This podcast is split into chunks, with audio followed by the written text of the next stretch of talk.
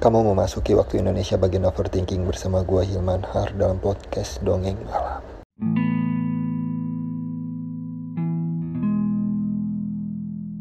Selamat malam semua.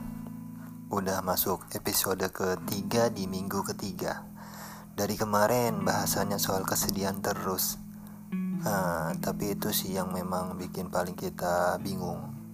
Kesedihan itu beban hidup yang menghalangi seseorang untuk bangkit maju Semakin dibiarin malah semakin bikin kita ada di posisi bawah dengan depresi, stres atau insecure. Sebenarnya kalau insecure itu lebih ke sebab sih daripada akibat. Tapi kadang kesedihan juga bikin kita jadi insecure. Semisal masalah yang dia punya, beberapa orang merasa insecure dari masalah yang kadang tubuh atau apa pun fisik dia itu oke-oke aja. Tapi karena background kesedihannya misalnya karena keluarganya broken home, dia jadi merasa insecure dari teman yang keluarganya utuh. Ini sih yang gua maksud, bahwa seseorang bisa menjadikan kesedihannya sebagai penyebab itu. Nah, soal ini lebih baik kalau kesedihan itu memang perlu dilawan. Dengan cara apa? Ya, kesedihan yang memuncak. Cara ampuh ngeluapinnya ya dengan menangis. Jadi begini, langit nggak harus selalu terlihat cerah. Kadang mendung dan hujan membawa kebaikan juga. Lihat deh tanah-tanah yang basah akibat air hujan. Setelah kering, tumbuh rerumputan. Nah, kamu juga nggak harus selalu ceria. Kadang masalah bikin mendung hati kita gelap sama dingin aja bawaannya. Tapi setelah pecah air mata, hati kita merasa luluh dan tenang.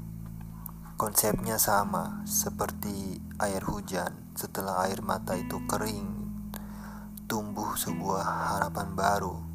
Minimal mendung itu pergi, masalah berganti. Nah, nangis itu gak selalu buruk. Ia itu bahasa tubuh yang paling ampuh untuk kecewa, marah, menyesal, dan segala emosi negatif lainnya. Dengan menangis, semua bisa selesai. Setidaknya bisa bikin kita berdamai dengan diri kita sendiri. Jangan takut buat dibilang cengeng.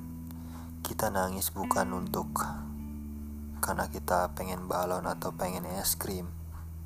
Kita nangis ya karena masalah yang gak bisa kita ceritain ke banyak orang. Kita nangis karena dengan itu kita bisa memaafkan. Ingat, kita nangis bukan karena masalah yang sesepele balon atau es krim tadi. Jadi ya, ya cobalah buat menangis sesekali. Kita nggak perlu terlihat kuat kalau lagi sendiri. Pada dasarnya menangis nggak menyelesaikan masalah, tapi seenggaknya hati kita basah dan nggak gersang.